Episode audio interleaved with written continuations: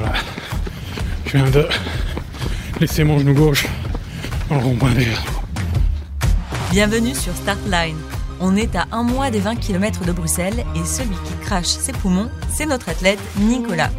Restez avec nous pour cette première course, ce test comme il l'appelle, les 15 km de Woluwe. On prendra ensuite des nouvelles de Lisole. Elle aussi a eu un week-end particulièrement agité. Allez, en piste Départ dans 2 minutes 30. La course s'apprête à démarrer, le stade Fallon à Woluwe est rempli à craquer et les coureurs en short bigarré et t-shirt technique sont partout. Et pas de chance, à quelques secondes du départ, impossible de retrouver Nicolas. Micro à la main, je slalom entre les 1800 participants pour retrouver l'ambassadeur de Mediafine. Mais trop tard. Et finalement, le voici. Comment se sent-il Moi, je suis déjà essoufflé, je me sens bien. Il fait beau. Non, ça va, j'ai très peur pour mes genoux, mais il fait beau, ça va être cool. Je suis chaud, on y va. T'enregistres Ah ouais, tout. Tu sais, hein, à quoi on reconnaît que je suis un gros touriste Je suis le seul qui n'a pas un t-shirt technique. Bon, il y a une vieille règle. hein. Tout ce qui sera descendu sera remonté. Je dis ça parce qu'on descend. Ah, voilà, genou gauche commence. C'est parti. 2 km 4, très bien. Ah bien. Mais c'est le grand test hein, ici, au moins avant les 20 bornes. Alors ici, l'auditeur va comprendre que je vais commencer à frapper les gens qui me dépassent parce que ça m'énerve. Allez, viens, on gratte 200 en place ici. On y va. On va chercher une brochette de 20.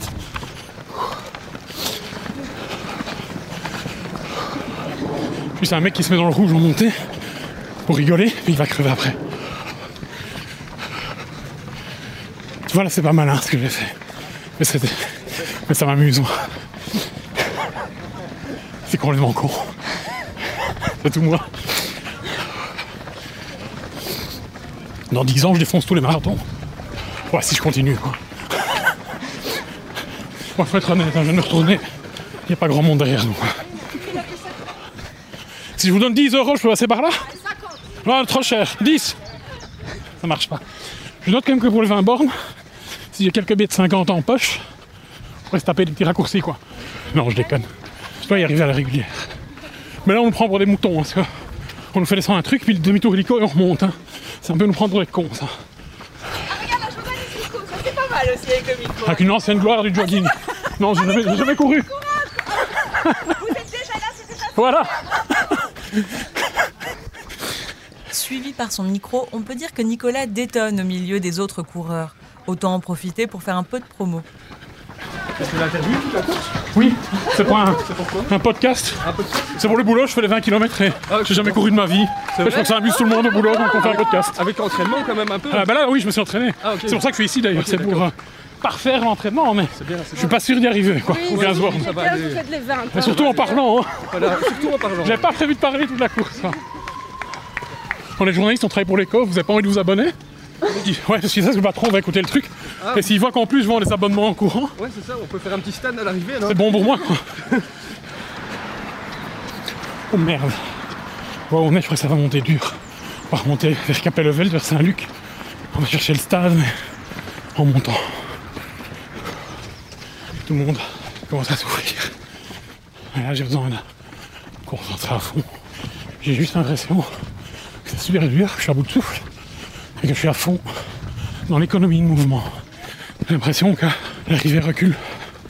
Comme en montagne, tu crois que tu y es, puis il y a encore une autre derrière. Putain, 12 et demi seulement. C'est une blague. Moi, je crois qu'on était à 13 et demi, quoi. Ça, ça joue, hein. Ils ont mis que des côtes, quoi. Mais énerve. Mais c'est vrai que je pense que mentalement, arriver à aller chercher ces 15, ça me ferait beaucoup de bien. Journaliste la semaine, il garde sa casquette même les week-ends. Alors lorsqu'il rencontre une tête connue, l'interviewé devient intervieweur.